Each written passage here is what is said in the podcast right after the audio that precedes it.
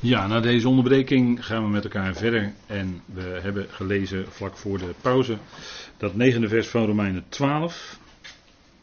Als het gaat om eh, onze praktijk, dan wordt er gezegd de liefde ongehuigeld.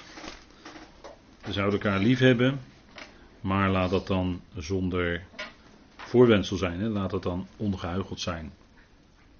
Liefde niet om, maar liefde omdat je wil liefhebben, omdat die liefde in je hart is. En dat is onafhankelijk van de filijn. Hier gaat het om de agape. Filijn is nog uh, eigenschappen bij de ander die jou tot genegenheid brengen voor die ander. Maar dat is dan nog gebaseerd op uh, ja, de, de menselijke genegenheid. Maar de agape, dus de liefde van God, die gaat er bovenuit, want die is belangeloos. Die heeft geen, uh, die heeft geen rekeningetje of zo. Maar die heeft lief, God heeft lief, omdat hij liefde is. Omdat hij van je houdt als mens, om wie je bent. Niet om wat jij voor hem presteert, want dat is toch allemaal van hem afhankelijk, maar om wie jij bent. Hij heeft je lief. God heeft de mens lief. En dat heeft hij laten zien toen hij zijn zoon gaf. God echter bewees zijn liefde voor ons toen Christus voor ons stierf toen wij nog zondaren waren. dat is Romeinen 5. Dat is natuurlijk geweldig wat daar klinkt. En dan ben je in Romeinen 5 ben je in de sfeer van de verzoening. Want Romeinen 3 en 4 spreekt over, spreekt over de rechtvaardiging. En dan gaat het in Romeinen 5 vers 1. Wij dan gerechtvaardigd zijnde uit het geloof, het geloof van Christus, hebben vrede bij God. Dat is ook opmerkelijk dat Paulus eerst die vrede noemt. En pas uh, een 8, 9 versen later de verzoening, het woord verzoening gebruikt. Wij dan hebben vrede bij God. Dus vrede naar God toe door onze Heer Jezus Christus staat er dan. Hè? Romeinen 5 vers 1, dat is een tekst voor je wapenrusting. En daarin klinkt door het feit, wat ik net noemde, dat hij zijn liefde bewezen heeft doordat Christus voor ons stierf toen wij nog zondaren waren. En het geweldige is dat de Evangelie zegt dat wij gerechtvaardigd zijn om niet, gerechtvaardigd zijn in zijn bloed. Gerechtvaardigd in zijn bloed. Klinkt ook in Romeinen 5, hè? En we zijn met hem verzoend en dat is een andere lijn van waarheid, dat is een verdere lijn van waarheid, door de dood van de zoon. dus we zijn gerechtvaardigd in het bloed van Christus. En we zijn met God verzoend doorheen de dood van de zoon. Want die rechtvaardiging door het bloed van Christus had te maken met wat wij deden. Wij waren zondaren, wij zondigden. Maar de verzoening doorheen de dood van de zoon heeft te maken met wie wij zijn. Vandaar dat daar de tekst ook twee verschillende benamingen gebruikt. In de ene lijn gebruikt Paulus het woord Christus, dus de gezalfde, dat is hij die Gods werk uitvoert. En in de andere lijn van waarheid gebruikt hij het begrip zoon, dat is wie hij is. De zoon dat is de, hè, dan, dan heb je ook de vader. De zoon van zijn liefde. En die verzoening heeft ook te maken met wie wij waren. Of wie wij zijn, kan ik ook zeggen. Misschien. Maar wie wij waren. Wij waren namelijk vijanden. En dan gaat het niet om wat wij deden, maar om wat wij zijn. Om wat wij waren. Vijanden namelijk. En die vijanden, die verzoent God met zich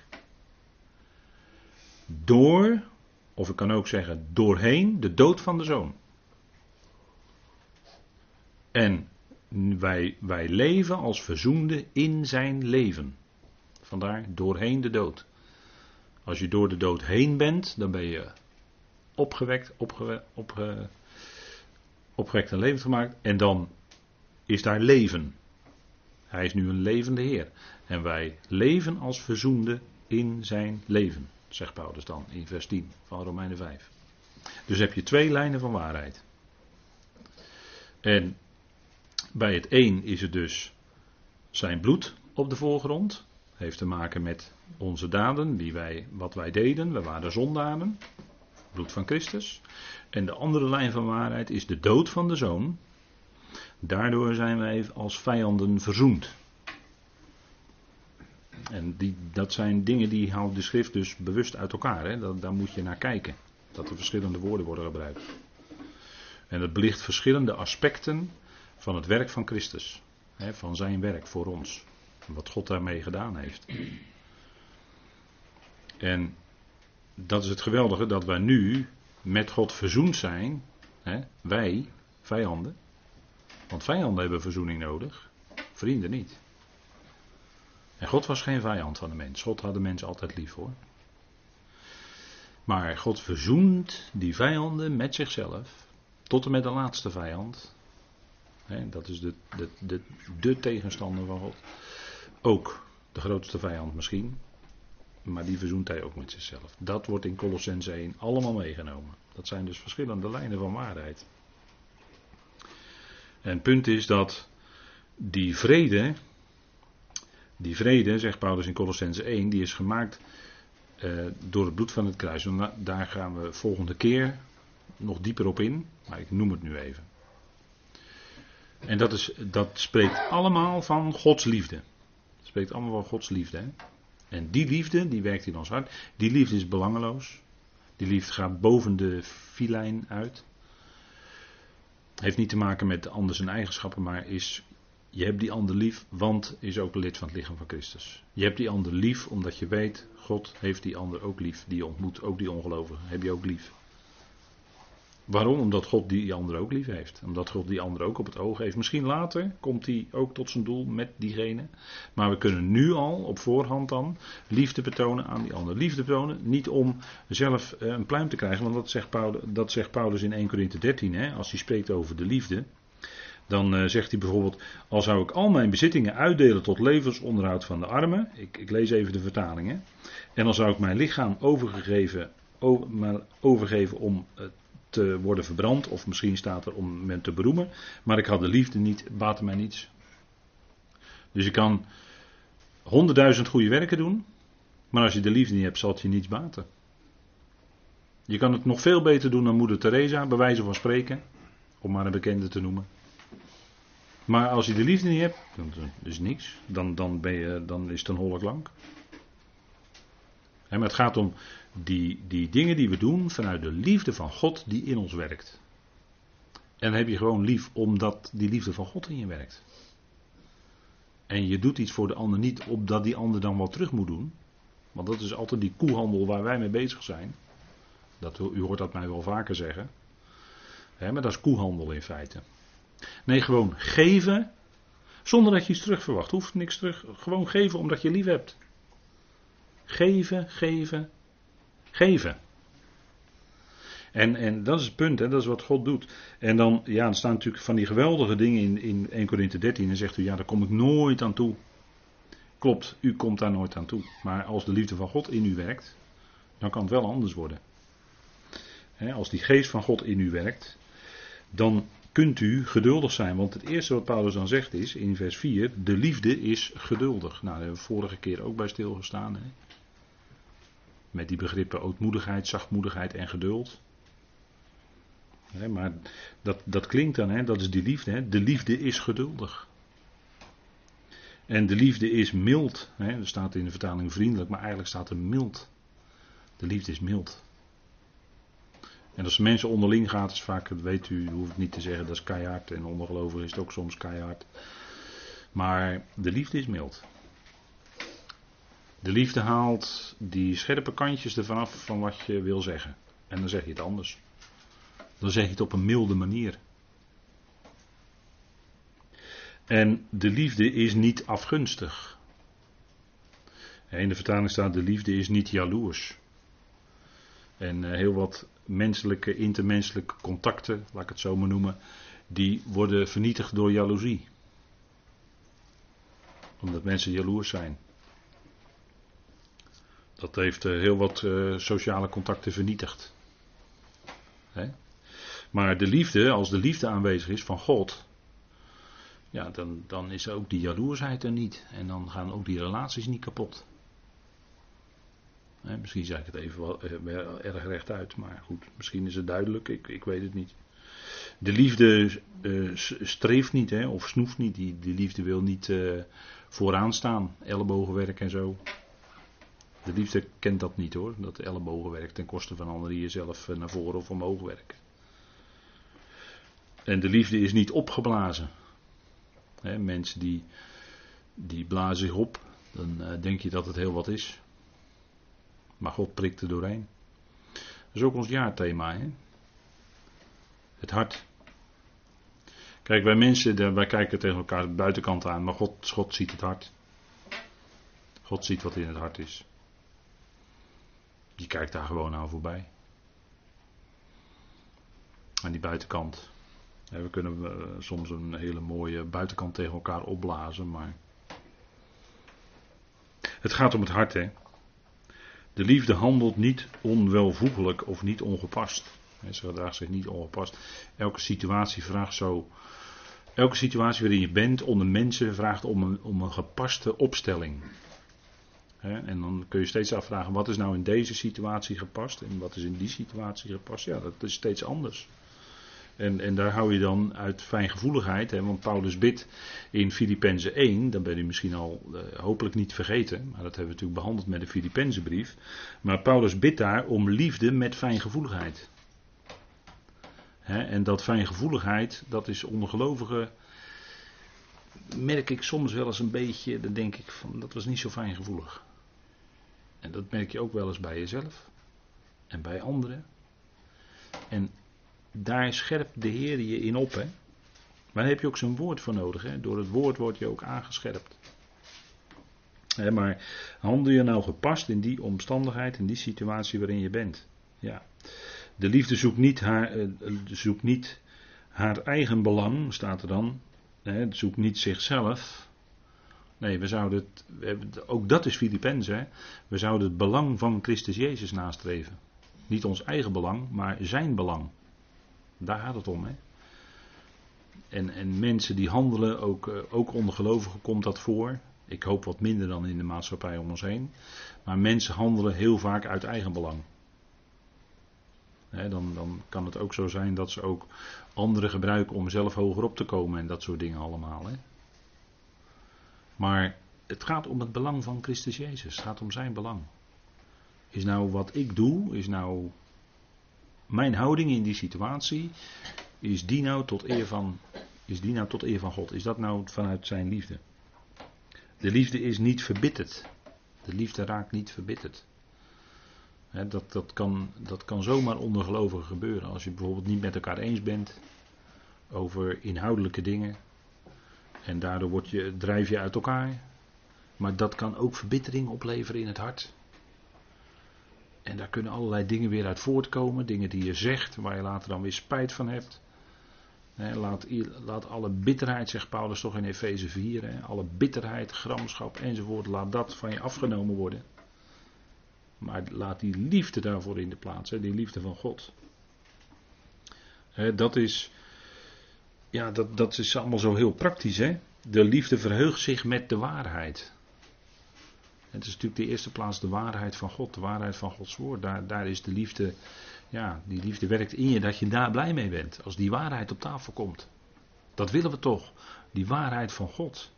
Onversneden uit Gods woord. Wat is nou die waarheid? daar ben je blij mee. En daar dank je God voor. maar ook met het, waar, het waar zijn met elkaar. waar, waarachtig zijn met elkaar. Dat je die ander. En, en de liefde ziet ook, hè, dat, dat is dan wat we leren uit, uit, uit eh, andere gedeelten van Gods woord. De liefde, dan vanuit de liefde zie je die ander aan in Christus. Dat, dat is een, ja, een, een voormalig leraar. Dan denk ik aan heel tijd terug op de Bijbelschool. Maar een, een leraar zou dan gezegd hebben: dat is het geheim. Elkaar aanzien in Christus. Als een nieuwe schepping. Dan zie je voorbij aan, ja, al die menselijkheden. We zijn soms net echt mensen, nou dat zijn we ook. Met alle dingen en gedoe en fratsen en noem maar op. Maar de liefde, die ziet die ander aan in Christus. Dat is het geheim. En dan kun je ook altijd met elkaar door één deur. dat, dat blijft dan ook zo. Je blijft dan steeds met elkaar door die ene deur kunnen gaan. Dat was geen goed Nederlands, geloof ik, maar. En de liefde verdraagt alle dingen. Hè. De liefde blijft onder alle dingen staan. En dan, eh, dan zegt Paulus nog iets geweldigs. De liefde, er staat er vergaat nooit, maar eigenlijk staat er de liefde valt nooit uit. Als je stroomuitval hebt, gaat het licht uit. Maar Gods liefde valt nooit uit. Die is altijd aan. Daar is geen uitknop mogelijk. Die is er gewoon niet. Dus die liefde van God is altijd die onderstroom in uw, jou en mijn leven, waardoor wij gedragen worden. Als u s'morgens wakker wordt, kunt u één ding bedenken: God heeft mij lief, Vader, dank u. U heeft mij lief. Wat er ook gebeurd is, maar Vader blijf je altijd lief hebben. Dat valt nooit uit. Daarom zongen we ook: niets kan ons scheiden van zijn liefde. Dat is het geweldige. En, en als dat onder gelovigen gaat functioneren, dat er altijd is die liefde, en dan kun je mensen, broeders en zusters ontmoeten in het buitenland, en je merkt eigenlijk vrijwel onmiddellijk, ja, daar is die liefde. Dat is die liefde, onderlinge liefde. Die band is er. Ja. Nou, dan kun je je afkeren van het kwaad, want je wil niet die ander kwaad doen, je wil ook niet dat die ander kwaad aangedaan wordt. En je wil ook niet dat het evangelie verstoord wordt door onzuivere klanken, want dat is ook een vorm van kwaad. Maar je hecht aan wat goed is. Je bent uit op het goede voor die ander, het goede vanuit het evangelie. Ja, dat is wat hier ook in Psalm 34 staat, dat heb ik op de dia even erbij gezet. Mijt het kwade, doe wat goed is, streef naar vrede, jaag die na. Dat is wat vrij vertaald, Psalm 34, maar dat is dezelfde strekking.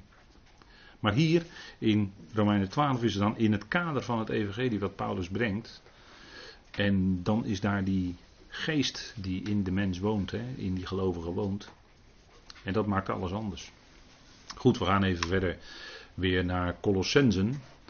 Colossense 1, daar zijn we bezig. En we maakten even een uitstapje naar wat voor ons als leden in de praktijk zo fijn is, die liefde. Maar we gaan weer terug naar Colossense 1. En er staat, want het hele complement heeft er welbehagen in om in hem te wonen. En hier wordt het woord complement wordt op een, uh, wordt gebruikt als was het een persoon.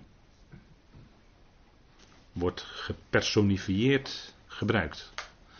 Het hele complement heeft er welbehagen in in hem te wonen.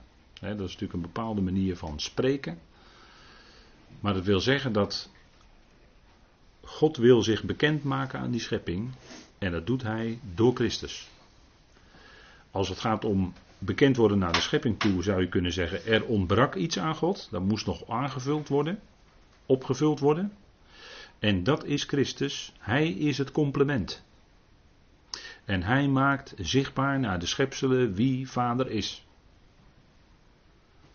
De onzichtbare vader wordt door hem compleet gemaakt.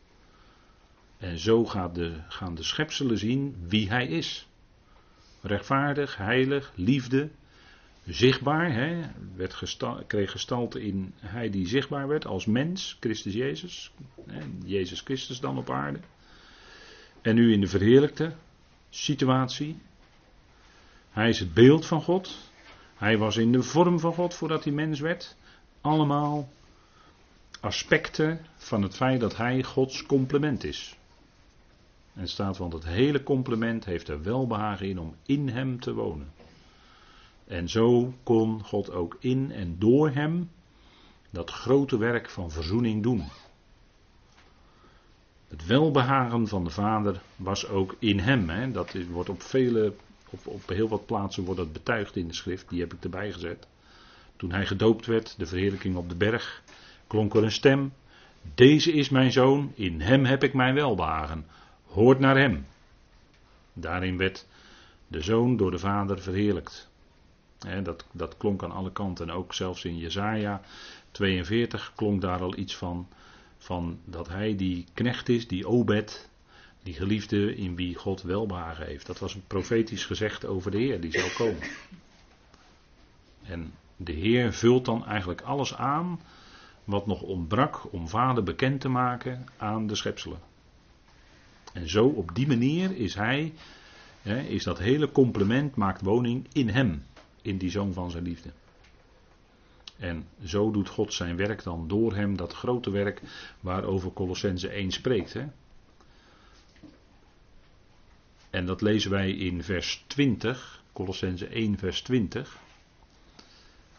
En er staat, en door hem wederzijds te verzoenen, en dan volg ik nu even de Griekse volgorde. En door hem wederzijds te verzoenen, het al, het al, tot of naar binnen, of met, ja, met eigenlijk naar binnen, zichzelf. En het punt is, dat hier wordt het woord verzoenen gebruikt. En ik heb hier het plaatje van de hoge priester afgebeeld op deze dia. En wat de hoge priester deed, daar heb ik er vanavond al iets eerder aan, uh, even aan herinnerd. Wat de hoge priester in Israël deed, was op grote verzoendag, Yom Kippur, het binnenste heiligdom, uh, hè, dus de, het heilige der heiligen binnengaan en bloed sprenkelen op de ark. En op, de, op het deksel van bescherming staat er eigenlijk, hè, eh, de caporet, hè, de, die hilasterion in het Grieks. Maar daar werd het bloed op gesprenkeld en dan was het weer bedekt. Was weer bedekking, of bescherming moet ik eigenlijk zeggen. Bedekking is een wat ander woord. Maar was het bescherming, kafar, voor, voor een heel jaar, tot de volgende grote verzoendag. En als dan de hoogpriester weer naar buiten kwam, dan was het voor het volk het teken dat het goed was. Dat het weer voor een jaar bedekt was. Maar dat is niet het woord wat hier gebruikt wordt.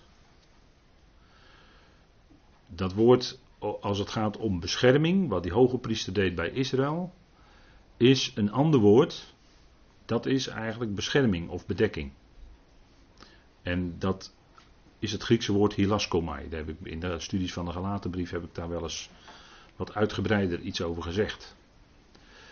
En dat is een ander begrip. Maar dat wordt ook niet bij Paulus, uh, Paulus gebruikt. Alleen één keer in Romeinen 3 verzoendeksel. Maar alleen bij Johannes elders vind je dus dat begrip hilaskomai. En, en uh, dat, dat is het andere begrip. Dat is bedekking. Maar Paulus maakt duidelijk in Romeinen 3 dat bij dat bedekking werd, werden en door al, die, al dat bloed, wat steeds in die offerdienst en al dat bloed van stier en bok, maar dat, dat, was in, dat gebeurde de, onder, de, onder het geduld, onder de vraagzaamheid van God, totdat de, de waarde zou komen, want daar verwees het allemaal naar. De zonden werden niet weggedaan. Er werd alleen beschermd of bedekt. Maar het werd niet weggedaan. Dat, dat wegdoen kon alleen door dat wat zijn eigen zoon zou doen, door wat Christus heeft bewerkt. En toen, werd wel, toen werden wel de zonden weggedaan. Daarom zei Johannes ook: Zie het Lam van God dat de zonde van de wereld wegneemt. En toen werd het ook weggedaan. Daar schrijft Paulus over in Romeinen 3. En Paulus was natuurlijk een tenag geleerde, tot en met. En Paulus schrijft er, en die had onderwijs gehad daarna nog van de Heer, ook waarschijnlijk in de woestijn, misschien wel ergens in de buurt van die berg in Arabië. Maar die had in ieder geval onderwijs van de Heer gehad en de Heer had hem laten zien wat veel dingen in Tenach in werkelijkheid ten diepste geestelijk betekenden. En daarover schrijft Paulus dan. Romeinen 3. Dan zegt hij, die zonde die gebeurde onder de verdraagzaamheid van God. Maar het werd niet weggedaan. Nu is dat ene geweest zijn bloed, het bloed van Christus. En dat was eens voor altijd. Daarvoor is het weggedaan. Daar schrijft de Hebreeën ook over. In Hebreeën 9, bijvoorbeeld. En zo, op basis van dat werk, kon er wel werkelijke verzoening tot stand gebracht worden. Want toen werden de barrières weggenomen. Tempel en tabernakel hadden allemaal wanden en voorhangsel en noem maar op. Maar dat waren allemaal afscheidingen, dus dat sprak van afstand. Maar door wat Christus deed, is er werkelijke verzoening van de wereld, van die vijanden, met God. Werkelijke verandering, want het woord verzoening is eigenlijk veranderen. Ik heb het hier op deze dia ook gezet. Letterlijk is wederzijds verzoenen. Vanaf neer veranderen. Vooral, het woord, let vooral op dat woord veranderen. Hè. Er verandert iets. Die vijand wordt veranderd in een vriend. En kan rechtstreeks met God communiceren, contact hebben. Zonder dat daar bemiddeling van priesters of de hoge priester van Israël tussen zat. Zit. Maar nu kan de gerechtvaardigde en de verzoende zondaar en vijand kan nu rechtstreeks in contact met Hemelse Vader zijn. Dat is verzoening. Het is vrede. Alle barrières zijn weggenomen. Dat is het evangelie. Eigenlijk moet ik zeggen, dat is het geheimenis van het evangelie wat Paulus bekend mocht maken. Want dat was niet bekendgemaakt in Tenach. Er was wel het nodige gezegd over rechtvaardiging, maar niet over verzoening. Niet over verzoening, zoals, hè, dat is helaas een enorme begripsverwarring geworden, doordat men in de vertalingen in Tenach altijd spreekt over verzoening en over verzoendeksel en noem maar op. En daardoor lijkt het allemaal hetzelfde, maar het is niet. Als je, als je de brief van Paulus goed daarop naleest, dan is die werkelijke verandering, die vond niet plaats onder het oude verbond. En het nieuwe verbond is ook nog, dan ben je er ook nog niet helemaal waar Paulus, waar Paulus over spreekt. Maar wederzijds verzoenen wil zeggen dat, dat die zondaar, die vijand, heeft, heeft contact met God, het is vrede. Er is niks meer tussen. Vanuit God absoluut niet. Alles is volbracht. Het is volbracht. Hij werd opgewekt uit de doden. En nu is de wereld met God verzoend. En degene die zich dat bewust worden, of degene die dat horen, die kunnen God daarvoor danken. Je moet er alleen iets over horen, en het moet je tot je doordringen, ook dat moet God geven. En je gaat God ervoor danken. Voor dat wat Christus al gedaan heeft. Dat is het geweldige. En dat is die verandering die neergekomen is. God heeft het initiatief genomen. Christus is gekomen. En hij verzoent die vijanden met zichzelf. Dat is liefde. Dat is liefde. In optima forma. Als antwoord op de smadelijke dood van de zoon. De moord, bijna zou ik willen zeggen. Want het was totaal zonder reden. Er was geen enkele reden in hem of in zijn gedrag wat kruisiging zou kunnen opleveren of moeten opleveren. Integendeel zelfs.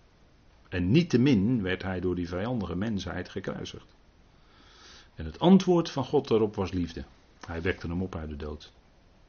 Hij deed die mensheid niet uit zijn ogen weg. Zoals hij dat ooit bij Israël bijna wel wilde doen, maar Mozes kwam tussen beiden met gebed. Maar dat deed God niet. Hij wekte zijn zoon op uit de dood. Dat is liefde. Dat is liefde. Ja, en dan daardoor, door die boodschap, daardoor gaan die mensen erop reageren. Vijanden komen tot, tot contact met God. God verandert vijanden in vrienden. Het gaat van vijandschap naar vrede in het evangelie. Ja, dat is natuurlijk geweldig, hè? Dat is een geweldige boodschap. En dat is, dat is anders dan de bedekking of bescherming van Tenach. dat sprak in typen, wees daar wel enigszins naartoe. Maar de werkelijke vervulling en wat het werkelijk is, dat is het volle licht wat God aan Paulus gaf om op te schrijven. En dan zie je in het verlengde van, van die hele geschiedenis hoe het zit. Hè? Dat is, dat is ja, de verzoening van de wereld. Mocht Paulus bekendmaken. We maar even kijken in 2 Korinthe 5. Daar lezen we over verzoening. Dat is een beetje een aanloopje dan, want we gaan bijna stoppen. Maar dit is natuurlijk een uh, bijzonder thema. En een van de hoofdthema's van Paulus' evangelie. Dus we gaan daar de volgende keer mee verder, om dat wat verder uit te diepen met elkaar. En dan lezen we in 2 Korinthe 5. Zo, vanaf vers 16. Zo kennen wij vanaf nu niemand naar het vlees. En dan hebben wij Christus naar het vlees gekend. Dan kennen wij nu zo niet meer. Hem kun je veronderstellen erin. Maar dat is een, uh, staat er niet letterlijk. Daarom, als iemand in Christus is, is hij een nieuwe schepping. Het oude is voorbij gegaan. Zie, alles is nieuw geworden. En dit alles is uit God. alles is uit God. Die ons met zichzelf verzoend heeft. Door Jezus Christus en ons de bediening van de verzoening gegeven heeft. Dat mogen we doorgeven.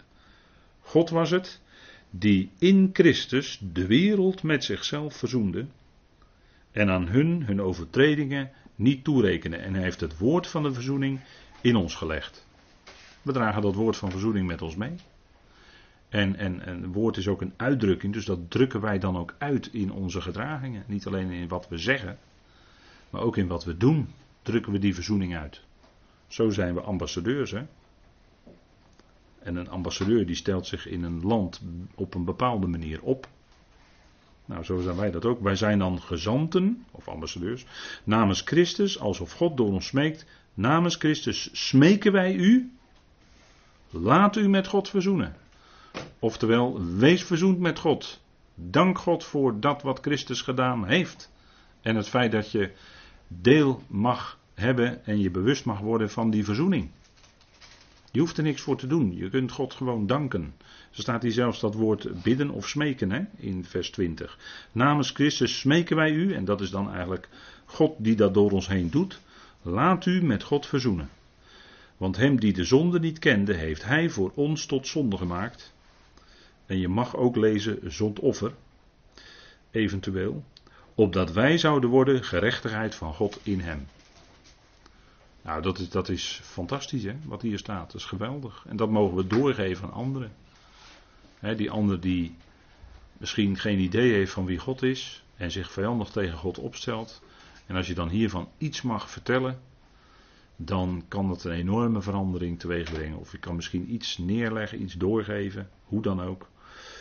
Of in je houding laten zien. God is zo anders dan wat mensen ervan gemaakt hebben. God is geen vijand van de mens.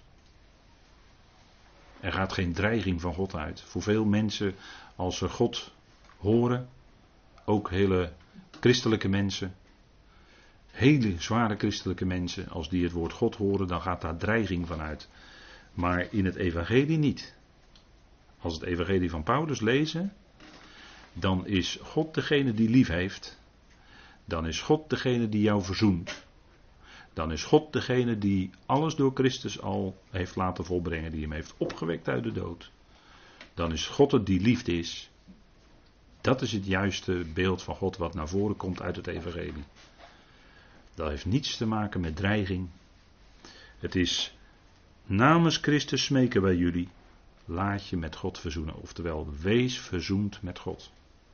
Dank God voor die verzoening die al tot stand gebracht is. En dan hoeft er geen hele weg afgelegd te worden.